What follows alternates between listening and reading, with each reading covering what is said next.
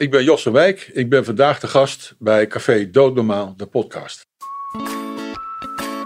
Dit is de podcast waar praten over de dood doodnormaal is.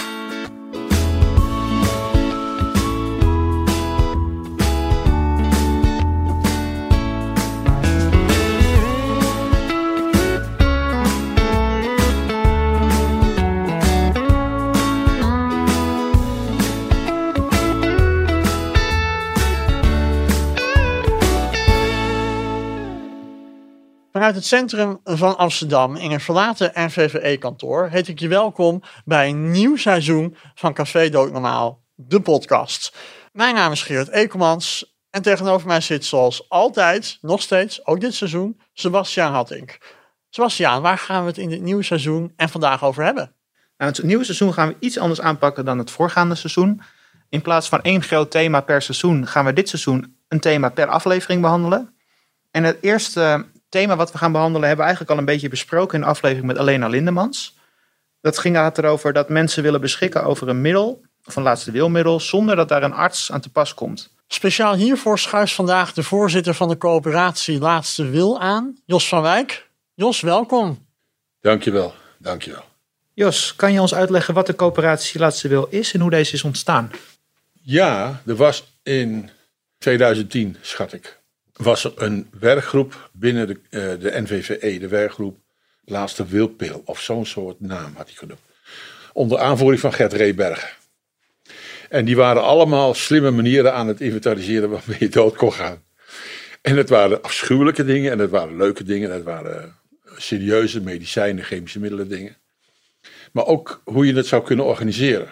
En uh, toen kwam er een rapport uit en dat rapport ging dan eigenlijk over de, wat er nu heet de autonome route. En de NVVE ging publieksdebatten organiseren rond de medische route, de, wet op de euthanasie. De hulpverlenersroute, want er had toen net die werkgroep uit vrije wil. Die was gekomen met een, uh, met een burgerinitiatief en die hadden in een hele korte tijd 116, 117.000 handtekeningen opgehaald. Dus dat was de hulpverlenersroute. En wij hadden dan de autonome route. En toen zochten ze iemand die de frontman wilde zijn in die debatten voor de autonome route. En uh, Gert die, die, was nou niet een man om daarmee op de voorgrond te treden. Zo'n man was daar gewoon niet. En die had liever dat iemand anders het deed. Ik zat toen al jaren bij de presentatiedienst van de NVVE. En ze vroegen mij toen om dat te doen. En het aardige was, dus je begon die debatten door het hele land heen. Hè, met grote aantallen mensen, 200, 300 soms wel. En dan uh, werd er van tevoren gepeild hoeveel mensen zijn er nou voor de ene of voor de andere route. En je zou altijd aan het eind van het debat, werd het weer gepeild. En dan zag je die autonome route echt met sprongen omhoog gegaan zijn, omdat mensen dat toch een aantrekkelijk idee vinden. Nou, dat hebben wij, naar aanleiding van die debatten, Gert en ik verder vormgegeven. Met steun van de NVVE een beetje, dat hoefde niet zo heel veel te zijn, maar wel wat belangrijk was. In 2013 hadden we een artikel in de Relevant waarin dat, die autonome route was beschreven en waarin wij ons initiatief hadden toegelicht. En het idee was, als we dan duizenden deelnemers ophalen, dan gaan we hem echt oprichten, die coöperatie laatste wil. Nou, zo gezegd, zo gedaan. Dus in april 2013 is de coöperatie opgericht. En uh, dan zie je dus ook dat het vooral de mensen aantrekt die ja, toch vooral uit idealisme, uh, uh, uit maatschappelijke betrokkenheid, die autonome route willen vormgeven. Dus die gaan, die gaan zorgen dat die ja, dat het er een keer gaat komen. En Gert en ik waren behoorlijk optimistisch. Wij hadden toen iets van al, met de jaren hebben we dit wel geregeld. Nee, het was niet met een jaar geregeld. Nee, dat was eigenlijk, moet je zeggen, was het, het middel was er pas in 2017. Dus zo is het begonnen. Kun je de autonome route uitleggen? Wat, wat versta je onder? Wat, wat, uh, wat is er precies? De autonome route heeft als belangrijkste kenmerk de zelfbeschikking over, je over de inrichting van je leven en je levenseinde. Daar gaat die rechtszaak ook over, waar we het straks waarschijnlijk over gaan hebben. Dus de zelfbeschikking is het belangrijkste stuk. En in de vormgeving van het idee zaten Gert en ik steeds van. Kun je nou, uh, zo, nou ja, de, de werkgroep uit Vrije Wil, die had een leeftijdsgrens van 75 jaar. En wij zeiden, ja maar god, iemand van 70, die kan toch ook wel vinden dat het klaar is. Denk maar aan Inja Tekens, die vrouw die net in maart overleden is. Die was 68 jaar, markeerde helemaal niks. Maar die vond dat haar leven geen toegevoegde waarde meer had. omdat ze dat vond en vast had gesteld, wilde ze ook niet meer verder. En zei van, nou, dan wil ik er ook uit. Want ik ben de enige die erover gaat. Dus de autonome route heeft dezelfde beschikking over de inrichting van het leven en het levenseinde. En eigenlijk zeg je dan in één adem, maar dan moet je het ook kunnen doen. Het moet niet een schijnrecht zijn, dat je wel een recht hebt, maar dat je het niet kan effectueren. Ja, als je nu niet over de goede middelen beschikt, dan, ja, dan, hou, dan hou je de gruwelijke mogelijkheden over. En eigenlijk wil ik het daar liever niet over hebben, want dat, dan wordt het zo'n, dit is niet wat we willen, want we willen dit. Nee, we willen die zelfbeschikking en dan heb je dat andere niet meer. Dan heb je die vijf afschuwelijke zelfdodingen per dag, per dag, heb je dan niet meer. Ik denk dat er altijd wel een paar mensen zullen zijn hoor, die, uh, die, die, die, die, agressie opzoeken om tegen een vrachtwagen aan te rijden of voor een trein te springen, omdat ze dat, die agressie, die energie nodig hebben om dood te gaan. Maar ik, mijn hoop is toch ook wel dat, dat dat enorm zal afnemen en dat mensen dus die legale, humane middelen zullen gaan nemen. Want even dat we het scherp hebben, het gaat in een autonome route om dat er niemand tussenkomt. Ja. Je hebt dus een individu, ongeacht leeftijd of achtergrond, die op ieder willekeurig moment een middel ter beschikking heeft om een einde aan het leven te maken. Ja, een ongeacht leeftijd. Wij hebben nu gezegd 18 jaar. Je mag pas lid worden van de coöperatie als je 18 jaar bent. Maar eerlijk gezegd, een derde van onze leden vindt dat de leeftijd er niet toe doet. Dus uh, dat hebben we vorig jaar nog weer gepeild. En een derde heeft het dan over, of samen is het meer dan, uh, dan twee derde, maar die heeft het dan over die grens van 18 jaar. En dat komt omdat je alleen maar een grens kan trekken die door de wet wordt getrokken. Elke andere uh, lijn die je trekt is een beoordeling. Van nou, iedereen is wel eens een keer in de war. Of iedereen is wel eens een keer afgewezen door een, door een partner. En dan ga je niet meteen zeggen. Nee, dat heeft allemaal geen donder mee te maken. Als jij vindt dat je dood wil, ben jij degene die erover gaat. Punt uit. Ja, dat is voor sommige mensen een heftige pil. Letterlijk en figuurlijk. Maar ook elke andere optie leidt tot een beoordeling. Als je bijvoorbeeld die wet van Pierre Dijkstra, van D66 moet ik zeggen, neemt. Daar zit weer een nieuwe beoordeel op. Een levenseinde begeleider, nota bene. Een wildvreemde die gaat beoordelen of jij wel of niet dood mag. Ben je helemaal belazerd? Daar gaat hij niet over. Je gaat er alleen maar zelf over. Dat is fundamenteel recht. Daar komen we straks nog wel op te spreken, maar dat is echt zo. Anders gezegd, voor de wet ben je met 18 jaar meerderjarig. Dan heb je stemrecht, die mag gekozen worden. Je mag zelf stemmen. Je kan een rijbewijs gaan halen, eh, weet ik veel. Ja. En dat, dat is de enige grens die ik kon bedenken. En met Gert samen toen, toen we begonnen. Dus die hebben we maar genomen. En elke beoordeling, want kijk, laten we maar inzoomen op dat begrip wilsbekwaam. Want het gaat natuurlijk, uiteindelijk gaat het daar dan over. Dat is helemaal geen eens een wettelijk begrip.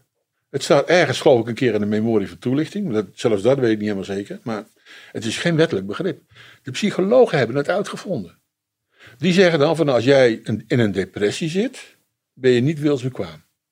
Alsof je, als je in een depressie zit, over de volle breedte niet het gevolg van je handelen zou kunnen overzien. Dat geldt voor de dementerende net zo. Ik bedoel, dat hebben we met al die presentaties wel gezien. Dementerende, die zijn niet over de volle breedte wils onbekwaam. Nee, die zijn een beetje in de war op een aantal punten. Maar als, ze, als het gaat over doodgaan, weten ze vaak heel erg goed dat als ze dit zullen nemen, of dit zullen vragen, of dit zullen krijgen, dat ze dan doodgaan. En wat doodgaan dan is.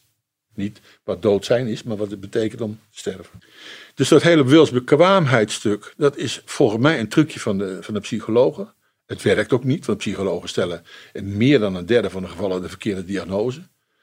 Ze werken met medicijnen waarvan ze niet weten dat het werkt, of dat het werkzame bestanddeel is. Dus je kan grote vraagtekens zetten bij de effectiviteit van de psychologie en de psychiatrie.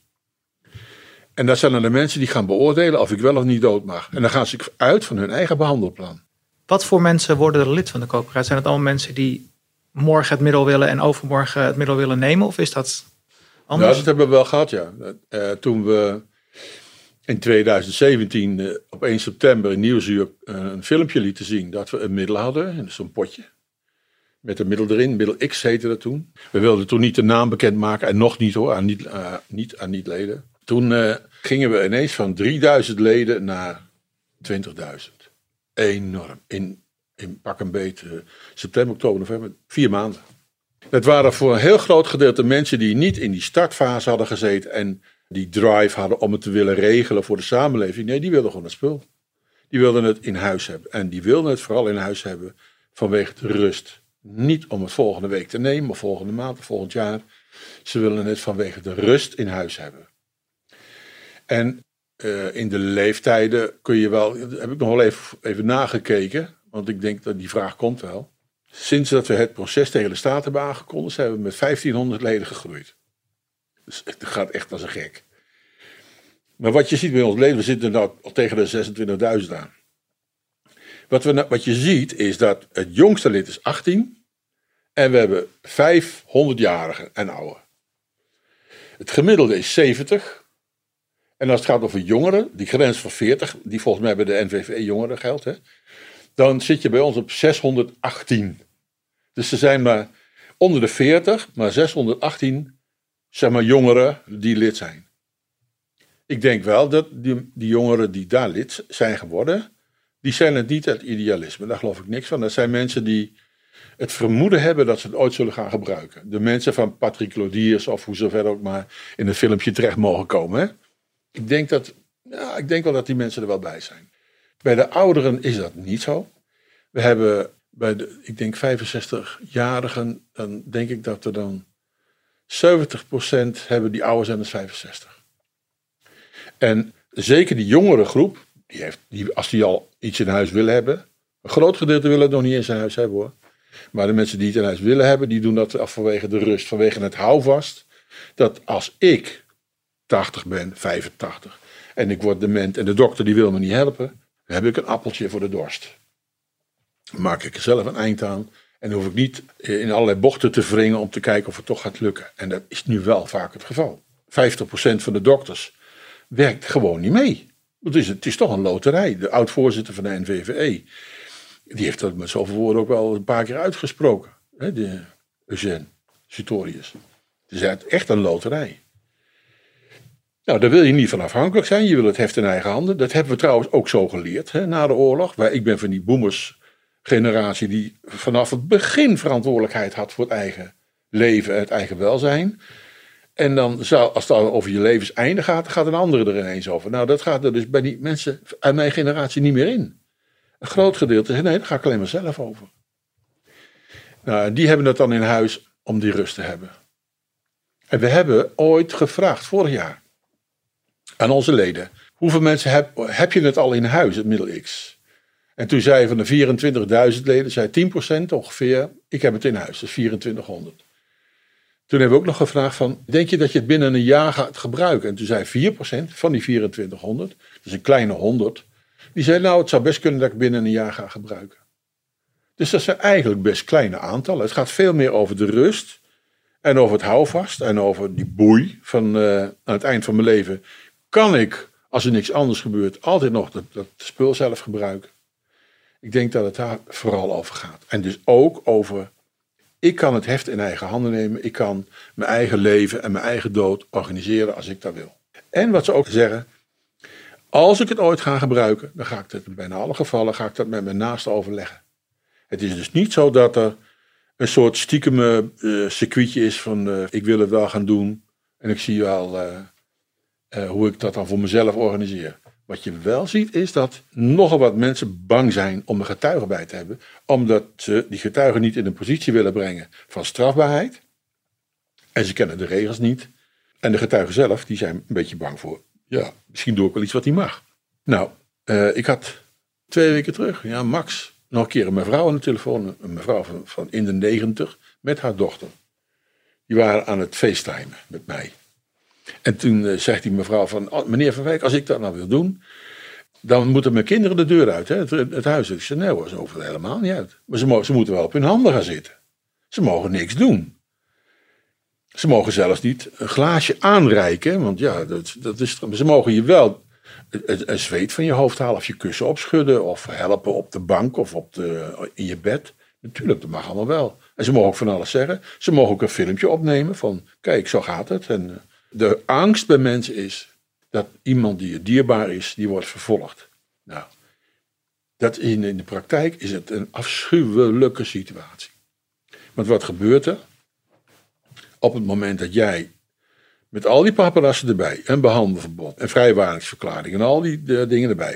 Ik, heb, ik doe het in eigen regie. Ik weet wat ik aan het doen ben. Ik kan terug. Ik, uh, ik, uh, enzovoort. Ik doe het uh, zonder druk van buitenaf. Mijn kinderen hoeven niks te verweten te worden. En al die dingen schrijf je lekker op. En als alles geregeld is, en zelfs met een opname erbij, dan nog presteert zo'n schouwarts het om de politie in te schakelen. Die komt dan met gillende sirenes, met ambulances, soms met de brandweer erbij. En de mensen die erbij zijn, die worden urenlang verhoord. Ik heb de laatste keer gehoord van iemand om half twaalf was een persoon overleden. En om half twaalf s'avonds werd het lichaam vrijgegeven en waren de getuigen vrij. Dat zijn afschuwelijke tafereelen. Dan word je als, als oprechte dierbare die getuige is van een zelfdoding, die goed voorbereid is, word je gecriminaliseerd. Sterker nog, er waren voorbeelden bekend, ook tijdens nu van de eisers bij het proces, dat iemand die, uh, die werd meegenomen naar het bureau voor verhoor en hij komt terug en die dierbare die zo precies had geanceneerd hoe hij het wilde hebben, die overledene, die lag op een andere plek, helemaal ontkleed met de bloedvlek op het laken. Nou, dat, dat laat je toch niet gebeuren. Dat kan toch niet, dat mag toch niet meer? Nou, vanuit die verontwaardiging durf ik wel te zeggen, ja, dit kan dus echt niet langer. Dit is echt in strijd met Europees recht, met ons eigen algemeen persoonsrecht. Dus dat gaat niet meer gebeuren. Dat mag niet. Dit moeten we echt aanpakken. Nou, en daar zijn jullie een proces gestart. Ja, we zijn denk ik twee jaar onderweg met de voorbereiding van het proces. Het idee was en is dat je, je moet dit regelen. En de politiek loopt voor weg. Nou, in de tijd van de minister Schippers hadden we al bijna een proeftuin kunnen houden.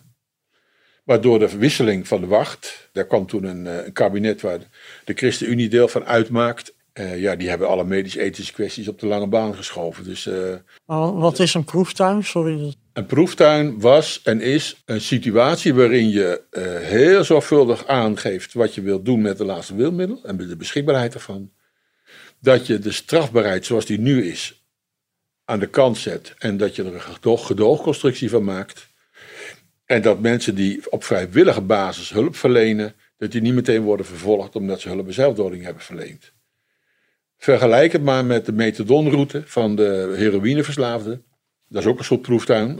Die duurt al heel lang, maar het is nog steeds een proeftuin.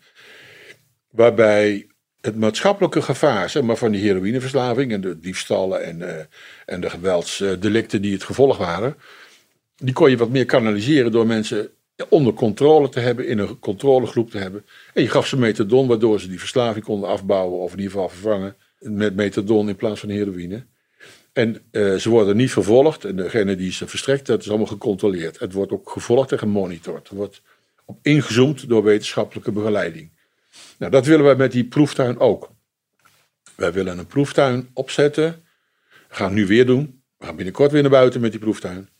Eh, waarin in die proeftuin 10.000 mensen, ik zeg maar wat, hè, meedoen. Nederlanders, 5.000 leden van ons, 5.000 mensen uit de samenleving. In een proeftuin. En dan kun je alle documenten die je beschikbaar hebt gebruiken. Van de, de, vrij, de vrije wil, vrijwaring, een behandelverbod. Je kan zelfs met de middelen kan je, uh, proberen nog wat, uh, nou, iets te organiseren of te flex flexibiliseren. En dan ga je volgen, wat mij betreft, wanneer wil iemand dat spul in huis hebben? Wanneer gaat hij het gebruiken en waarom? En hoe is dat gebruik gegaan? Hoe is dat overlijden plaatsgevonden? Heeft dat plaatsgevonden? En wat, is, wat doet het met die nabestaanden? Dus dat je het, het hele systeem, zeg maar, het hele proces van ik wil het hebben, ik ga het uitvoeren en ik heb nazorg. Dat je dat in kaart hebt en, kan begeleiden. Daarbij staat voorop, wat mij betreft, niet de wens om het te willen gaan gebruiken. Want dat, kan je, dat is de autonomie namelijk. Maar wel weten we uit allerlei onderzoeken dat de samenleving zich zorgen maakt over de veiligheid. Dus als ik het spul in huis heb, hoe voorkom ik dan dat mijn kleinkinderen het ontdekken en innemen? Uh, hoe voorkomen we het dat ik mijn buurman om zeep help of mijn schoonmoeder? Dus hoe, hoe kan je het, het misdrijf, hoe kan je dat voor zijn? Nou, daar, daar, hebben, we allerlei dingen voor ontwikkeld, maximaal. En dat willen we in die proeftuin dus neerzetten en laten volgen en begeleiden en kijken of die maatregelen ook werkelijk effect hebben. Dat was dus in 2016 was dat zo. Toen waren we en met het OM, met dezelfde Rinus Otte, waren we al een stuk verder als nu. Niet dat hij, het, dat hij het wilde gedogen, maar hij zei wel letterlijk, Als de politiek het wil, dan gaan wij het gewoon uitvoeren. Want wij hoeven zelf niks te bedenken. Wij moeten handhaven. Nou, en de politiek, Schippers, die, die was al een heel eind heen. Eh, Als je kijkt naar de brief als antwoord op Snabel die ze geschreven heeft. Daar heeft ze het over de barmhartige overheid. Ze heeft het over autonomie. En over zelfbeschikking. Dus ja, die, die was wel aan het opschrijven. Die wou wel. Maar goed, door klein christelijk is dat gewoon geblokkeerd. Maar goed, dat, die hebben nou zichzelf eh, machtig open buiten de markt geprijsd. En eh, hebben we nou de kans om het anders te doen. Een linkse, een linkscentrum-rechtse samenwerking. Zo mag ik dan hopen. Maar in ieder geval D66, VVD, PvdA, GroenLinks, Partij voor de Dieren. Ja, dat zijn belangrijke steun eh, voor ons. En in de achterban, daarvan in de achterban, we weten in de achterban, dat PVV, Forum, 70% en SP, 70% van hun achterban is voor die eigen regie. En bij de, Christen, bij de Chris- Christen-Democraten, CDA, 40% hè. Dus ik heb toen eens een keer met, met hoe heet ze, eh, gemaild. Keizer, Mona. Ik zeg, eh, zou je eens een keer mee willen doen met ons, met, eh, met een interview of wat ik mee? Nou, het lijkt me toch logisch dat dit ons onderwerp niet is. Ik zeg, nou, voor 40% van je achterban wel. Nou, toen ik niks meer gehoord. dat zijn van die leuke, dat zijn van die leuke feiten. Maar ja, daar kan je als politicus ook niet omheen. Dus wat je, wat je zal zien is dat al die onderzoeken die erop wijzen dat zeg maar 60, 70 procent van de Nederlanders voor eigen regie. Mensen die tegen zijn, die zijn niet tegen het middel, maar die zijn tegen de onveiligheid die het mogelijk oplevert. Dus los die onveiligheid op, dan heb je, nou ik denk 80 à 90 procent voorstanders. Misschien wel meer, want eigenlijk is 7 procent orthodox-christelijk is tegen. Echt tegen. Maar die zijn ook tegen euthanasie. En wel voor de doodstraf overigens, maar dat is weer wat anders. hè. Dat is weer een ander onderwerp. En nu het proces. Het proces, eh, daar zijn we toen mee begonnen. Juist ook omdat we zagen dat we het niet gingen redden met een, een proeftuin. Dus we dachten, nou dan moeten we een proces opstarten om ons gelijk te halen volgens de juridische kanalen. Daar hebben we zeer, zeer lang over nagedacht hoe we dat zouden moeten doen. En we hebben gekozen voor de civielrechtelijke invalshoek. En eh, ik weet van eh, het vervolg op Albert Heringa dat NVVE en Heringa en de advocaten bezig zijn bij het Europees Hof in strafrechtelijke zin. Nou, dat hebben we het al vaker genoemd, maar Albert Heringa heeft zijn eh, stiefmoeder geholpen met overlijden. Ja, en, en het beroep op noodweer is niet gehonoreerd. En het feit dat, dat zij, nou ja goed, eh, we hoeven dat proces hier niet evalueren. Maar in ieder geval, dat is de strafrechtelijke lijn. Wij hebben gekozen voor de civielrechtelijke lijn. En wat betekent dat nou? Dat we met onze individuele eisers aantonen dat er schade is. Schade aan mensen. En dat de overheid die schade veroorzaakt. Dus dat ze onrechtmatig handelt om de belemmeringen tegen die, het uitvoeren van die eigen regie, de belemmeringen zo groot te maken dat je die eigen regie niet kan uitoefenen. En dat het dus een schijnrecht is geworden. Dat mag niet, vinden wij, maar dat vinden wij niet alleen. Dat vindt het Europese Hof ook. En dat vindt het Constitutionele Hof in Duitsland, uitspraak van 26 februari vorig jaar, ook. Oostenrijk heeft ook zich op die manier uitgesproken. Dus de, een aantal Duits sprekende bondgenoten, en inmiddels hebben ze in Zwitserland een ander soort eh, systeem opgetuigd, maar ook daar heb je hulp en zelfdoding. Alleen daar heb je weer geen euthanasie. Dan zie je dus dat ze zeggen, je hebt als persoon een grondrecht om te beschikken over de inrichting van je leven en dus ook over het einde van je leven. En dat mag geen schijnrecht zijn. Dus je moet hulp kunnen krijgen. En dat is natuurlijk wel even een ander dingetje. Want hier heeft Hugo de Jonge, anderhalf jaar terug, heeft hij nog weer eens een keer bevestigd met de chemische sector, en overigens met 113, eh, een, een, een convenant gesloten met de chemische sector om aan particulieren geen chemische middelen te leveren. Dus dat middel X waar wij het over hebben, mag in, Nederland door bedrijven, groothandels, niet aan particulieren worden geleverd. Maar goed, als je een beetje oneerlijk bent, dan kun je er wel onder, onderdoor. Maar officieel is het convenant eh, afgesloten dat het niet mag. En ik heb me laten vertellen dat 113 nu bezig is om te kijken hoe ze dat nog beter kunnen gaan vormgeven. Maar goed, 113 is ook een pro-life organisatie. Die zijn, die zijn niet voor de zelfdoding. Die willen dat juist voorkomen. Dus die zijn pro-life. Als je dat dan maar weet, dan is er niks aan de hand. Maar het is wel zo dat die belemmeringen, die vinden wij niet meer van deze tijd. Dat mag niet worden versterkt. Die moeten worden afgebouwd, die moeten worden weggenomen. Daarmee hoeft de overheid niks te faciliteren, want dat vragen we helemaal niet. We vragen geen facilitering van de zelfdoding. We vragen alleen, bemoei je er niet mee. Bemoei je er gewoon niet mee. Laat ons gewoon die spullen kopen waarmee dat kan. En je kan ze overal kopen. Er zijn websites waar je duizend kilo moet bestellen, want minder kan niet. En dan haal je dan twee gram af en die andere kilo's stuur je weer terug. Zo kan het toch niet werken. Dus je moet dat anders organiseren. En in het proces wordt de onrechtmatigheid van het handelen van de overheid wordt aan de orde gesteld. En we vragen aan de rechter om daar een uitspraak over te doen. Is het onrechtmatig, ja of nee? En dat doen we met die schade die mensen oplopen. Meneer, ik wil het spul graag hebben, maar ik kan er niet aankomen. Uh, ik heb het in huis gehaald en ik werd door de douane achtervolgd. Ik slaap er niet meer van. En omdat ik niet meer slaap, kan ik me niet concentreren. Ik ben ontslagen, want ik kon me niet concentreren. Weet ik veel, verzin het. Maar al dat soort schade. Mensen die ook in de war raken, gewoon ordinair. Weet je, dat, dat mag je niet laten gebeuren en dat wordt nu wel gedaan. Nou, wij hebben als collectief coöperatie, eh, maken we deel uit van die, in die dagvaarding. En uh, we hebben daar een, een dertigtal individuele eisers bij met allemaal van dat soort verhalen. Als ik wat uh, net al heb geschetst. En samen trekken we op in de richting van de rechtbank om, uh, ja, om het aan te kaarten en om er een beslissing over te krijgen. Dat is, waar, dat is waar het proces over gaat. En hoe zie je dan de verstrekking van een dergelijk middel voor je? Nou ja, dat, dat zou ik dan in eerste instantie via die ploegtuin willen uitvlooien. En we hebben nou een projectplan in de maak. En dat wordt een eh, vrij uitvoerig plan met ook al die veiligheidsaspecten erin. Waarbij je kan zien dat sommige mensen die zeggen, ja, ik wil het spul in huis hebben. En dan moet je die veiligheid maximaal organiseren met zo'n kluisje met een vingerafdruk of een iris-scan of uh, een code, kan ook. Als het maar veilig achter slot en grendel zit.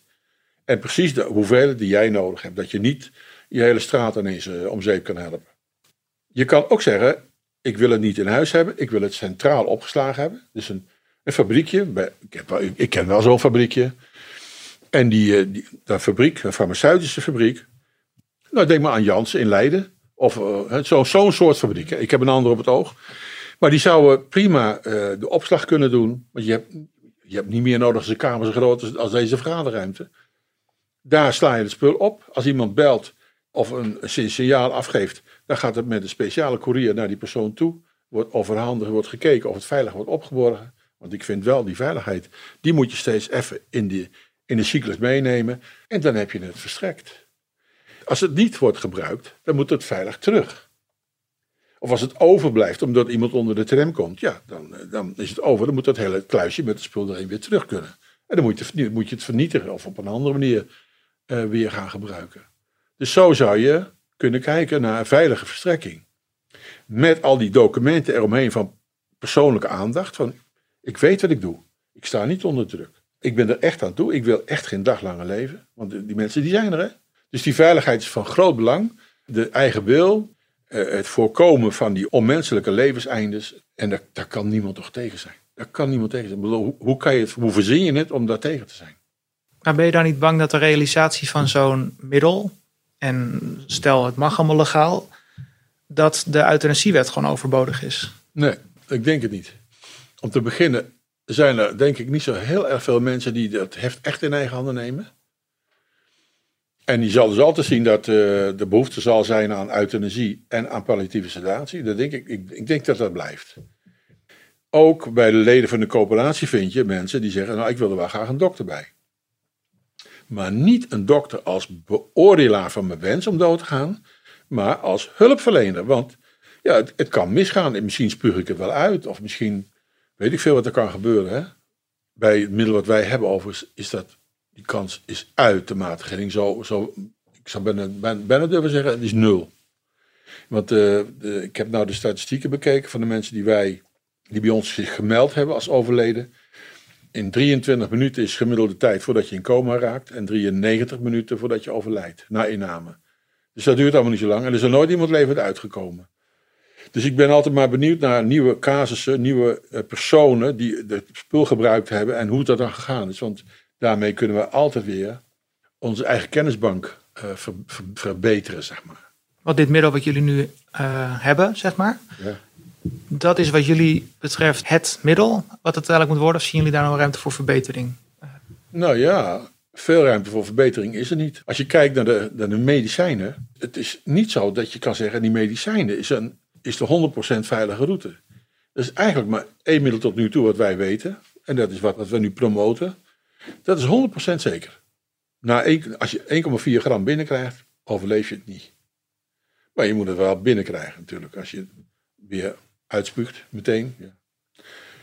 En we hebben ook wel eens mensen gehad die hadden het in gele vla gedaan. Zo, want, want je, v- vroeger had je, of nog wel, chloroquine eh, pilletjes. Die kon je dan oplossen in gele vla. Hè? 100, 130 van die pilletjes in een bakje gele vla. En dan lepel je naar binnen en ging je ook dood. En, en dus denken mensen van, ah, ik moet dit spul ook oplossen in gele vla. Nee, dit moet opgelost worden in water. Of in alcohol, in mijn geval in alcohol. Want eh, die laatste borrel, die zal, die zal, ik, die zal ik toch nemen, kan ik je vertellen. ja, dat zeg ik nu met mijn grote bek. Ik weet ook wel dat tegen die tijd, dan sta ik er even anders voor. Want iedereen schuift in zijn beoordeling en in zijn waardering en in zijn handelen op op het moment dat het zover komt. Dus de euthanasiewet zal voor een groot aantal mensen noodzakelijk blijven, omdat ze een grote waarde hechten aan het oordeel van die dokter. En als die dokter dan maar weet dat hij niet meteen ja, zeg maar, veroordeeld kan worden omdat je niet aan de zorgvuldigheidscriteria houdt, dan zou, dan zou ik denken, dan heb je een andere, veel betere rol van, eh, van de huisarts of van de andere behandelaars. En of je dat nou toevoegt in een derde artikel, eh, een, een derde lid van artikel 294, of dat je die hulp afschaft, of dat je weer op een andere manier. Maar je moet die, dat strafrecht bij die dokters weghalen. En geef ze die rol van behandelaar en hulpverlener, daar zijn ze voor opgeleid. Dat kunnen ze goed. Ja, maar gaan ze niet met die existentievragen zitten opzadelen. Want eh, ja, daar schrikken ze van. En je noemt nou een aantal keer het middel X als iets wat al in de praktijk gebruikt wordt. Is dat nu via de coöperatie te verkrijgen? Of, of weten deze mensen toevallig waar ze die, eh, wat zijn nou, 1000 kilo kunnen bestellen? Ja, we hebben dat informatiepakket natuurlijk, een, een zeer uitvoerig pakket. Hè? Waarbij de kern is dan, een, ik geloof een pagina of 15, met feitelijke informatie over de voorbereiding, de uitvoering, de nazorg. Maar een hele, een hele zwik bijlagen om je mee te nemen in een gedachtegoed erachter. Ook de techniek van een middel eh, X. En daar staan die middelen wel in beschreven als mogelijkheden. Maar net wat ik, wat eerder gezegd heb. Als je 6 liter water drinkt, heel kort achter elkaar. Of 3 kilo suiker of 2 kilo zout. Je gaat echt dood hoor. Maar je kan het niet binnenkrijgen. Dat is het punt. Je, je kan het gewoon nemen. Dat zijn dodelijke middelen. En wat wij hebben is 1,4 gram. En ik kan je vertellen, als je botox zou nemen in zuivere vorm, daar heb je nog, nog een paar tiende grammen van, eh, van nodig. Maar je moet er aan kunnen komen en je moet het kunnen gebruiken. Nou, wij zeggen dan, wij willen maximaal informatie geven, maar we mogen niet verstrekken. We hebben ooit die poging gedaan. Dat was in 2018, toen wilden die inkoopgroepen oprichten. Nou, die hadden we opgericht. En er waren 1100 mensen die wilden met die eerste, eerste groep inkoopgroepen meedoen. En eh, daar kwam het Openbaar Ministerie dus achter, want het stond gewoon open en bloot bij ons op de website. En toen zei ze, ja, maar dit gaat, dit gaat niet gebeuren. We gaan, want we hadden toen inkoopgroepen, die waren. Die inkoopgroepen waren 50 mensen, was één clubje. Die hadden een voortrekker. Die regelde alles voor het clubje. Er was een inkoper, die werd gemacht door die inkoopgroep om spul te kopen. Dus die werd geen eigenaar, nee, die kocht het alleen maar in en verdeelde het dan weer over die anderen. Er was een administrateur, die zorgde ervoor dat je een, een, een kluisje kreeg, thuisgestuurd. Dat kon je thuis installeren. Ondertussen had die inkoper het spul gekocht. Die had het verdeeld in capsules van eh 2 gram, of eh, ongeveer per persoon. Nou ja, en er was een voortrekker. En die voortrekker die werd opgeleid door ons om die mensen maximaal te informeren over de veiligheidsaspecten en over de werking en de bijwerking van het middel. En dan kwam er een bijeenkomst, inkoopgroep, die kwam bij elkaar. En dan nam iedereen zijn kluisje mee vanuit huis. Die kreeg daar die 2 gram. Het was inmiddels al betaald. In je kluisje, op slot doen en weer naar huis. En ondertussen had je dan die voorlichting gekregen van die voortrekker. Dus dat, dat was eigenlijk het idee. Nou, het Openbaar Ministerie zei dat gaat niet gebeuren. Wij willen dat jullie ons dat middel bekendmaken. De lijst van deelnemers aan de inkoopgroepen, die gaan we ook vervolgen. En ja, jullie zijn aan de beurt. En toen hebben wij als bestuur gezegd, ja, dat gaan we niet doen. We gaan niet die mensen die er niet op zijn voorbereid blootstellen aan vervolging door het ministerie. Want ja, het- Openbaar Ministerie, want ja, eh, als dat gedonder met de bank oplevert of met je hypotheek, je, je weet niet. Je weet maar half in wat voor ellende je gestort kan worden, omdat het OM. Ze hoeven misschien wel helemaal niet eens wat te doen, maar ze door juist niks te doen, door je aan het lijntje te houden met onderzoek, kan je al die tijd niks. Wij wilden onze leden daar niet aan blootstellen. En die inkoopgroepen, die, die stierven dus een acute dood. Maar dat leverde een enorme hoos op aan informatiebehoeften. Want hoe kom ik nou aan mijn informatie? Toen hebben we die huiskamergroepen opgericht. Daar zijn er honderden over het hele land. Waar dus eh, gemiddeld vier mensen komen, zes mensen komen, soms wel twaalf veertien. Daar werd die informatie wel gedeeld. En de mensen die wisten waar je het kon kopen, kon bestellen, die konden daar zeggen van... Oh, je moet het bestellen op de Leidsgracht 103, want daar hebben ze een hele doos vol staande spul. Kan je gewoon ophalen daar, weet je zo, dat. Dus dat was de kracht van die huiskamergroepen. Daar werd informatie gedeeld. En eh, daar gingen mensen die gingen bestellen. De uitwassen waren eh, dat mensen te veel gingen bestellen en weer onderling verdelen in die huiskamergroep. En daar zijn we hartstikke tegen. Dus ik heb verschillende keren ook van die gespreksleiders uit de lijst gehaald van jij bent niet meer geschikt om deel te nemen. Dat, want jij gaat zitten dealen in je huis, in je eigen huiskamer. Dat vinden we niet goed. Het is strafbaar voor ons, voor jou. En het benadeelt en het schaadt onze, onze coöperatie. Dat willen we niet. Dus eigenlijk zou je kunnen zeggen, jullie geven de informatie over het middel, maar je, je verstrekt het middel niet. Wij verstrekken echt niks. Precies, ja. Maar maximale informatie. Ja, precies, wat mag. Ja, Ja, dat mag. ja. Maar eigenlijk wil ik die twee sporen gelijk op laten lopen. Aan de ene kant het proces tegen de staat. Het laatste wilproces, zoals we het noemen.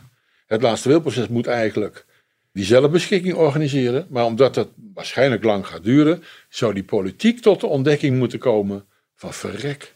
Er is meer aan de hand dan we nu denken. We moeten eigenlijk dit een vrije kwestie maken in het parlement. En dan, nou ja, misschien wel met zo'n proeftuin meegaan om te kijken hoe je gecontroleerd in een kleinere setting iets kan organiseren voor de samenleving als geheel. En dan later dat implementeren. Dat is wat ik het liefste zou willen. En heb je die uitspraak van het Hof misschien helemaal niet eens nodig om dit te gaan doen. Wel zou ik er voor, zijn dat er een uitspraak van het Hof komt. eh, nou ja, dat dit, wat er nu gebeurt, ongrondwettelijk is. En dat het onrechtmatig handelen van de overheid is. En dat er dus nieuwe wetgeving moet worden gemaakt. Want meer kunnen we niet afdwingen nu hoor. Meer andere wetgeving moet worden gemaakt om dit mogelijk te maken. Ja, dus dat hulp en zelfdoding onder bepaalde voorwaarden wel mag. Dat de middelen mogen worden verstrekt, mits, weet ik veel, verzin het. Maar niet de beslissing op zichzelf. Die zelfbeschikking, daar mag je niet aankomen. Je bent vrij overtuigend, eh, Jos. En ook vrij stellig natuurlijk. Hè? Zo ken ik je ook wel. We kennen elkaar al langer. Maar ik heb toch, merk ik, de laatste tijd wat aarzelingen opgebouwd in de hele manier hoe eh, de coöperatie presenteert. En, en het beoogde doel natuurlijk van 100% zelfbeschikking. Je moet zelf bijvoorbeeld denken aan, eh, dat was vlak na de presentatie van jullie middel X in Nieuwsuur. Dat ik geloof een 16-jarig meisje eh, met het middel X vanwege liefdesverdriet een eind aan de leven heeft gemaakt met dat middel. Er zijn drie fouten in één zin. Oh, kijk nou. Ja, het, ze was 19 jaar. Ah, 19, ja. Ze was seksueel misbruikt in de jonge jaren. En ze had een ander middel gebruikt. En die ouders, die hebben daar toen een, eh, een, een show van gemaakt. Om eh, haar dood als het ware te rechtvaardigen. Eh, maar het klopt van geen kant. En om te beginnen, zij was 19 jaar. Ze wou niet verder. Die ouders waren blind voor haar verlangen om dood te willen. Ja, dan moet je niet raar op kijken als ze op een gegeven moment het heft in eigen handen neemt. En misschien wel net het verkeerde middel nam. Ze had een blauwzweem op de huid. Dat betekent dus dat ze een ander middel had genomen, wat, wat wel bekend is. Maar van ons middel krijg je geen blauwzweem op je huid. En je gaat er ook niet van braken als je op tijd antibiotica... Ik heb nog nooit in... We hebben nou 25 beschreven situaties van mensen, personen. En een stuk of 20, 25 minimaal hoor. Mondeling. Ik heb nog nooit gehoord van ernstig braken, hoofdpijn. Wel eens een beetje dat iemand een beetje draaide. hè. Dat is niet zo gek, want er gebeurt iets met je bloed namelijk. Maar dat is, dat is het enige. Ja, en soms rollende ogen als je in coma bent. En een beetje trekken. Maar zelfs dat hoor, het, het- zijn allemaal maar marginale dingen. En soms is er een uitschieter met heftige beweging. Maar ja, dat zijn dan de mensen die het in hebben met gele vla. Ja, maar dat is dus de uitvoering inderdaad. Ja. Ik heb het ook over de, de hele theorie en, eh, Ja. en de uitvoering, of de, eh, Gedachte. de gedachte, dankjewel, dat woord zocht ik. Ik vraag me af of je ooit genoeg veiligheidswaarborgen in kunt bouwen om misbruik te voorkomen. dan heb het zowel misbruik in de zin van, nou, misschien was het voorbeeld van het meisje van 19 ongelukkig, maar je hebt natuurlijk impuls-zelfdodingen van mensen die de stap van een gruwelijke zelfdoding misschien net niet durven zetten, maar voor wie dit middel een simpele oplossing wordt. Ja. Terwijl als we even iets meer tijd hadden genomen, de zelfdoding misschien in het geheel voorkomen had kunnen worden. Maar ook aan de andere kant het misbruik van het middel. Daar ervaar toch wel wat aarzeling. Ja, eh, er zijn een paar dingen op te zeggen. Impulssuicides zijn er bijna niet. Eh, de meeste mensen die zichzelf dood gaan maken, lopen er echt heel lang mee. De vraag is alleen, kan je het met iemand over hebben? En op het moment dat jij zegt als eh 16-jarige van, nou ik zie het helemaal niet meer zitten. Ik wil er echt uitstappen. En je ouders die zeggen, joh, niet zo gek. Kijk eens naar buiten man, de vogeltje fluit en de zon schijnt, de sodemiet erop. Weet je wat, we gaan hem vanmiddag naar het strand. Op het moment dat jij met een serieuze wens komt om uit het leven te stappen en er wordt gereageerd door het weg te werken, door het weg te stoppen, ga jij er niet nog een keer mee komen. En dan ben je vier, vijf jaar verder en dan zie je alsnog de gelegenheid om jezelf van kant te maken en dan heet het een impulssuicide. Ik noem het de veenbrand, die al heel lang duurt. Ik heb mensen aan de telefoon gehad, die zeiden meneer Van Wijk, ik ben 68 jaar. Van die 68 jaar ben ik er 60 bang. Ik vind het nu genoeg geweest. Ik wil eruit. Geslaagde zakenman, twee kinderen, prachtig huis, mooie zaak. Kon er niet over praten, met niemand niet. Dat was gewoon in zijn omgeving geblokkeerd, want hij was toch zo succesvol. Ja, Het is overigens een van de redenen dat we de NVV Jongeren hebben opgericht. Maar eh, dat, dat jongeren er open over konden Ja, praten. ja. Nou, ja, maar goed, wij streven dus niet na dat je dus maar gewoon gelijk een middel ergens vandaan moet halen. ja. Ik denk dat je eens moet, moet kijken, ook naar. Ik zoom zo, zo meteen op het tweede aspect nog even in. Maar het andere van die jongeren. Ik denk niet dat er veel jongeren zijn die in een impuls zich zomaar het leven bene- benemen. Ik heb ook zomaar mijn liefdesverdriet gehad. En dat is nog nooit zo erg geweest dat ik dacht van nou ik wil eruit stappen. Ik kan me wel voorstellen dat het zo erg kan zijn dat je eruit wil stappen. Maar dan is nog de vraag of je tot handelen overgaat als zover is. Dus bij liefdesverdriet, hè, zogenaamd. Want dan, ja, dan moet, bij jongeren heb je het altijd over liefdesverdriet en niet over kanker. Nou, dan zegt je 113, zegt, ja, de zelfdoding is de meest voorkomende doodsoorzaak bij jongeren. Ja, natuurlijk, want dan moeten ze anders doden gaan. Ja, eh, bedoel, dat is statistisch hè. Ik bedoel, dit, dit is zo logisch als wat. Vervolgens zie je dat het gaat over een kleine groep jongeren die mogelijk misbruik maken van zo'n situatie. Of die in een verleiding komen om iets te doen waar ze misschien spijt van zouden kunnen hebben kunnen krijgen. Als je dat besef later nog had gehad. Maar we hebben het over een groep van miljoenen Nederlanders die die regie wil. En ik heb het niet over 10 of 20 jongeren. Nee, ik heb het over 6,5 miljoen Nederlanders die de spul willen hebben.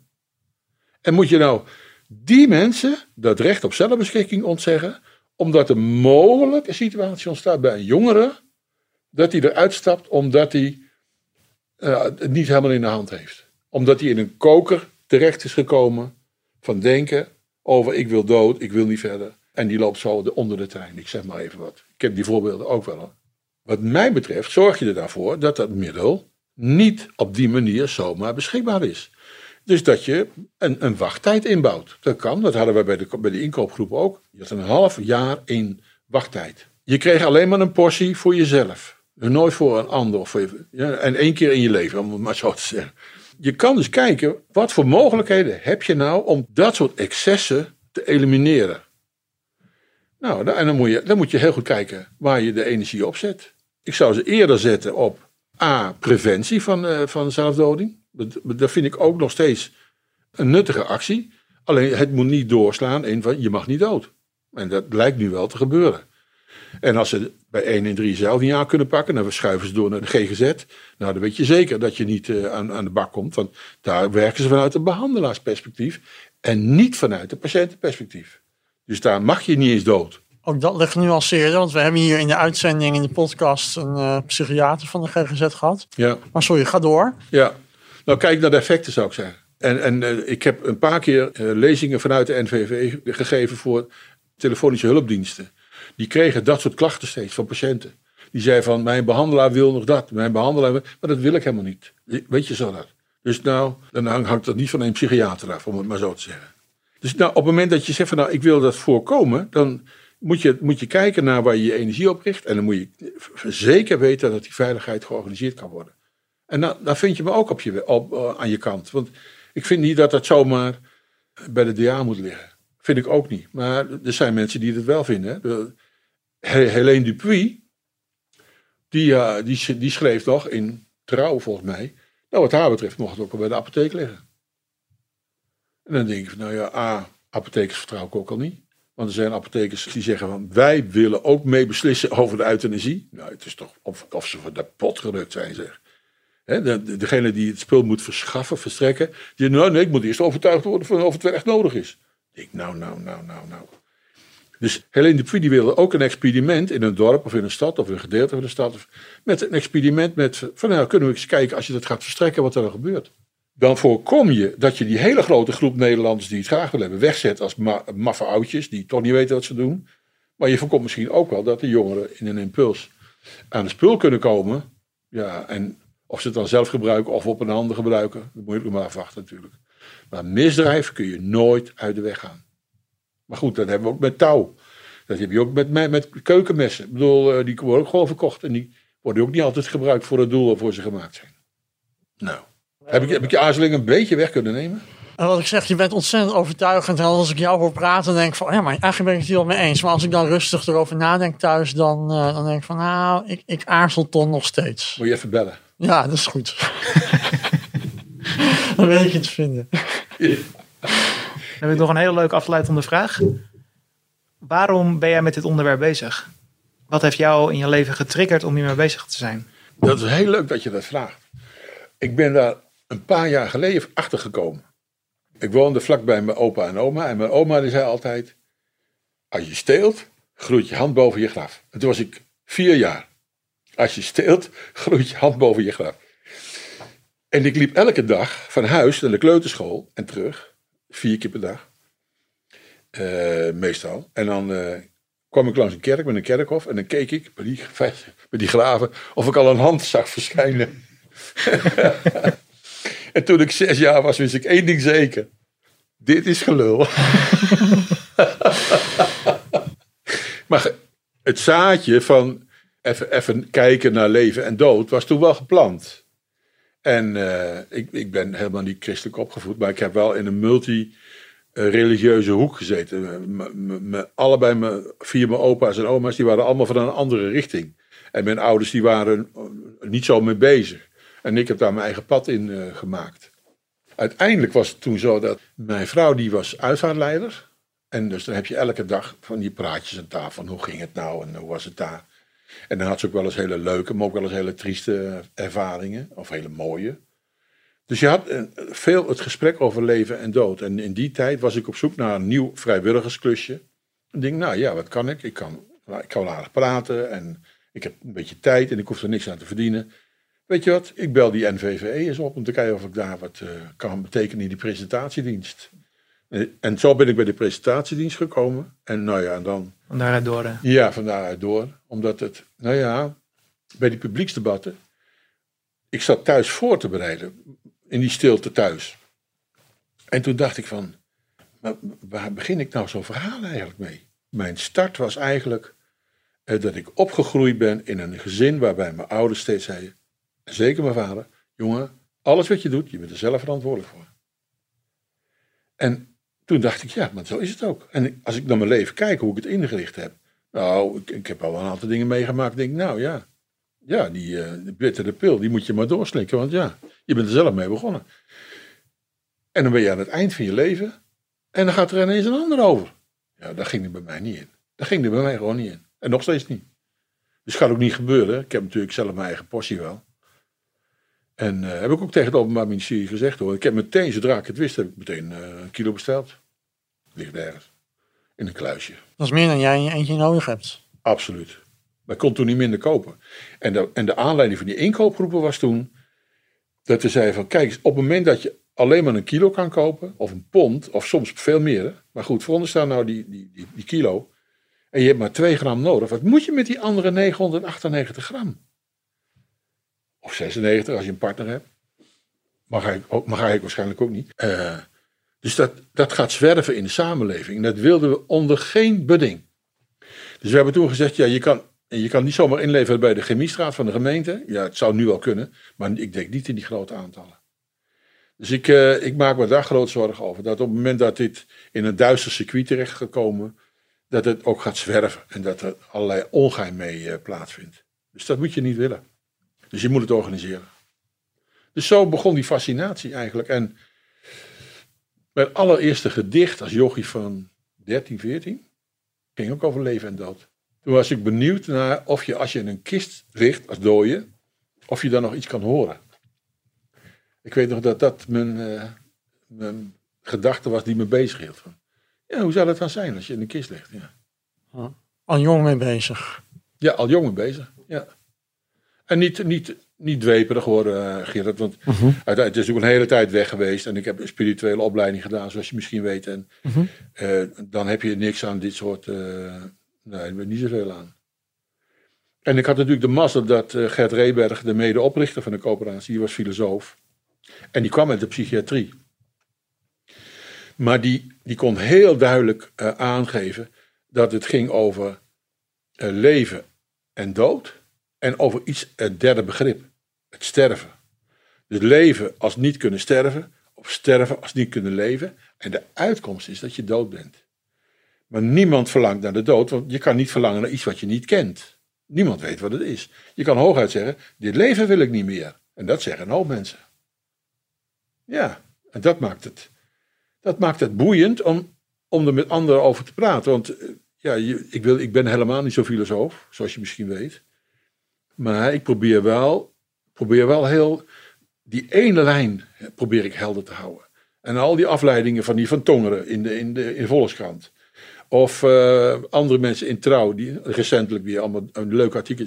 Dan denk je, jongens, kom op. Maak het dan niet zo ingewikkeld. Jullie problematiseren een hele eenvoudige kwestie. Namelijk, ik ga er zelf over. En dan kun je zeggen, ja, dat kan je niet. Eh, hallo? Er zijn wel veel meer dingen waar ik me niet van bewust ben dat ik het niet kan. Toen ik die opleiding therapeut volgde. Ik heb een opleiding psychotherapie gedaan. Hè? Toen kwam ik erachter dat ik, ik had mijn moeder altijd alle hoeken van de kamer laten zien. Figuurlijk. Want ik vond het helemaal niet een aardige vrouw. Koud. En in die opleiding kwam ik erachter waardoor.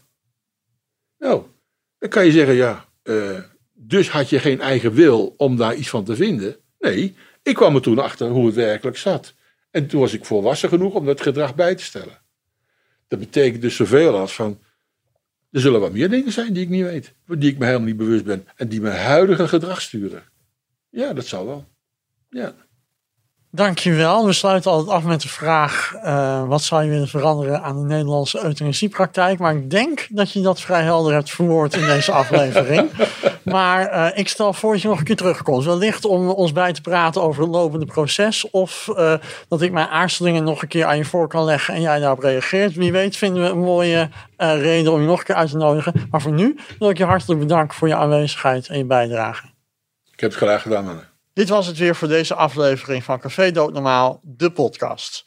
Volgende week zaterdag staat er weer een nieuwe aflevering voor je klaar in je favoriete podcast-app. Voor nu bedankt voor het luisteren en wil je nou geen aflevering missen, vergeet dan niet te abonneren dan krijg je automatisch een melding als er een nieuwe aflevering voor je klaar staat. Vond je het nou leuk om deze podcast te luisteren? Laat dan vooral een beoordeling achter. En mocht je nog vragen hebben naar aanleiding van deze podcast, dan kun je altijd mailen naar jongeren.nvve.nl. Als laatste wil ik nog de NVVE bedanken voor het mede mogelijk maken van deze podcast en zeggen we graag tot volgende aflevering.